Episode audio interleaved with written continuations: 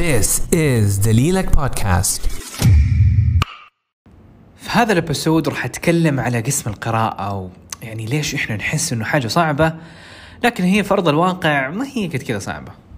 قسم القراءة اللي يصير زي ما قلنا قسم القراءة الثاني قسم اللي تدخل في الاختبار، حتدخل الاختبار حيجي لك قسم الاستماع تسمع تسمع تسمع 40 دقيقة خلصنا نيجي لقسم القراءة. قسم القراءة عبارة عن 40 سؤال وثلاث قطع طويلة وال 40 سؤال مقسم على ثلاث قطع هذه وعندك 60 دقيقة تحل فيهم هذه الأسئلة. راح تكون تحسب بناء على على الإجابات الصحيحة، إذا من 40 سؤال أنت جاوبت مثلا على 13 سؤال حتاخذ تقريبا أربعة. إذا جاوبت على 20 سؤال حتاخذ تقريبا خمسة ونص ستة. إذا جاوبت على 30 سؤال حتاخذ تقريبا سبعة شيء زي كذا. فبناء قد ما جاوبت صح أكثر قد ما كانت الدرجة أعلى. موضوع بسيط. طيب هنا القطعة الثالثة دائما هي بنفس الطول لكن الكلام اللي يقال فيها نوعا ما أعقد لغويا ومن ناحية التراكيب اللغوية. فنوعا ما هذه الصفحة تكون معقدة عن القطع اللي قبلها أو الإجابات تكون بين الأسطر أكثر من اللي قبلها. كلام بناء على صعوبة التراكيب اللغوية وطريقة استنباط الأجوبة هذا مو معناه إنه الموضوع ممكن يكون دائما لازم يكون صعب. ممكن صراحة أنا مثلا شخص أحب التقنية ممكن القطعة الثالثة تكون عن التقنية موضوع بسيط وسلس أو ممكن مثلا شخص صيني يحب عايش في الصين تجي قطعة تتكلم عن تاريخ الصين القطعة الثالثة تكون مرة سهلة بالنسبة لي. فهذه صراحة الكثير من الناس يسألوني عبد الرحمن طبعا هل معناه إنه القطعة الثالثة دائما أصعب حاجة وما أحلها وأتركها؟ الإجابة لا. لكن من ناحية التراكيب اللغوية وسهولة استنباط الأجوبة ما حتكون قد كذا حتكون صعبة نوعا ما مقارنة بالأول. لكن مو صعبة إنها لغة ثانية لا. هي أصلا القطعة الأولى أصلا القطعة الأولى هذه حتكلم عليها أصلا هي معقدة. القطعة الأولى نفسها معقدة الثانية أعقد والثالثة أعقد كمان. أقول لكم وأوريكم الاختبار وعي يعني خليكم تعيشوا جو الاختبار. عشان كذا حخوفكم شويتين لأنه عشان تعرفوا إيش الأشياء الصعبة إذا إحنا ما إحنا عارفين إيش المرض الموجود عندنا مثلا ما يمدينا نعالجه نفس الفكرة هنا. طبعا ليش الأزمة في قسم القراءة؟ أنا مثلا من الناس اللي كنت متأزم من قسم القراءة كنت جايب فيه اثنين ونص كان اسوء قسم بالنسبة لي. ليه؟ لأنه قسم القراءة القطع اللي فيها أول حاجة عندك 60 دقيقة عندك 40 سؤال. يعني يا دوبك 40 سؤال 60 دقيقة يعني ولا دقيقة ونص لكل سؤال. وهذا غير إنه عليك تقرأ قطعة معقدة. وطبعا القطعة معقدة مو عشان أخوفكم لكن عشان أوريكم إنه اختبار الآيلتس أصلا معياره كبير. يبغى من صفر لتسعة وتكلمنا أمس التسعة الشخص ال native ما حيجيبها. الشخص ال native ال native اللي درس في أمريكا ومدارس في أمريكا كل حاجة. يعني زينا إحنا زي ما إحنا native في العربي هم native في الإنجليزي في الإنجليزي. حيجيبوا 8 من 9 ف الاختبار أصلا معيار كبير. عشان كذا القطعة اللي حتكون قدامك ما حتكون مفهومة بنسبة 100% أو احتمال إنها تكون مفهومة بنسبة حتى لو 80% مرة قليلة. احتمال كبير إنك حتكون فاهم 30 40 50% من القطع فقط.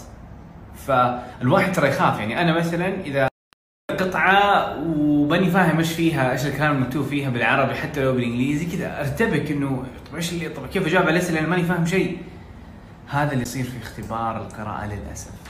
هم هم هذا نظامهم. إنه قايلين هم قايلين إنه مستحيل تفهم كل حاجة وبناء على مستواك إذا مستواك متوسط حتفهم يمكن 40% إذا مستواك متقدم وقتها تفهم 60 70 60 50 60% مو 70 أنا الحمد لله آخر اختبار لي جبت 9 من 9 في قسم القراءة.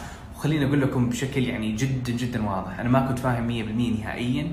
كنت فاهم ممكن 85 90 كمان ما أقدر أقول لك 90 80 ل 85% والحمد لله قدرت أوصل للتسعه هذه آه طبعا هذا كان بعد 50 اختبار تجريبي سويته وبدايتي كانت باثنين ونص في قسم القراءة. كان القسم اللي أكرهه the most والحمد لله هذه الأيام احبه أكثر حاجة بسبب التكنيك اللي حقول لكم عليها بكرة تكنيك اتحاد.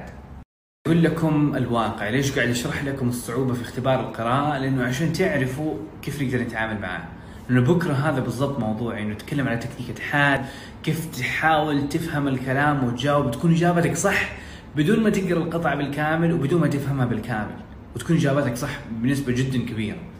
آه وكيف توزع الوقت إيوه حنتكلم عن تكنيكات لكن this was the intro إنه أفهمكم الاختبار نظامه كيف تعقيده كيف. بعض الأحيان صراحة ما تفهم الأسئلة نفسها.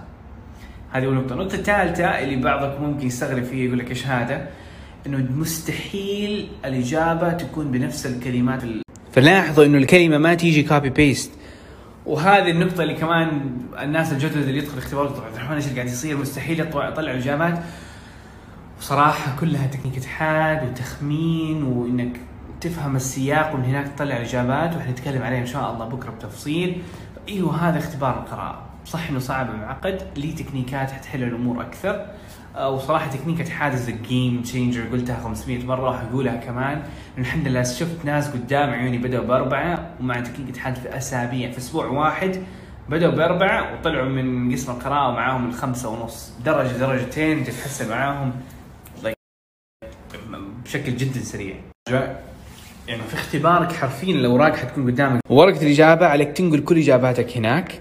آه وزي ما قلنا إنه ورقة الأسئلة ما هي محسوبة حتى ما حيتفرجوا عليها هم بس ياخذوا هذه الورقة وهذه تعتبر فاينل قسم الاستماع عندك نفس الورقة يعطوا لك 10 دقائق بعد ما ينتهي الاختبار عشان تنقل إجاباتك من ورقة الأسئلة لورقة الأجوبة لكن في قسم القراءة ما حيعطوك. بمعنى آخر أنت عليك تنقل إجاباتك وأنت قاعد تحل في ورقة الأجوبة لأنه ما حيعطوك وقت بعد الاختبار. إذا خلص 30 دقيقة حيسحب الأوراق ومع السلامة. بالنسبة لي نبدأ عن قسم القراءة أي أسئلة أي أشياء تحبوا نتكلم عليها بتفصيل فسوايب اب وكلمني إن شاء الله. وفي خدمتكم جايز ونشوفكم على خير.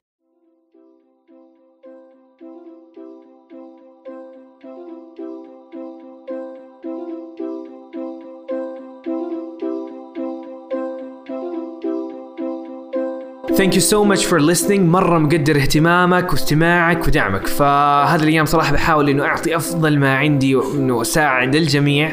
فأي سؤال وأي استفسار كلمني على الخاص. وإذا حبيت إنك تتابع البودكاست لأنه قاعد أنزل حلقات مرة قوية عن التحفيز عن الآيلتس عن تطوير اللغة عن قصتي. فتابعني على دليلك في آيلتس dot com slash podcast عشان تشترك في البودكاست هذا. ويعطيكم ألف عافية. مع السلامة.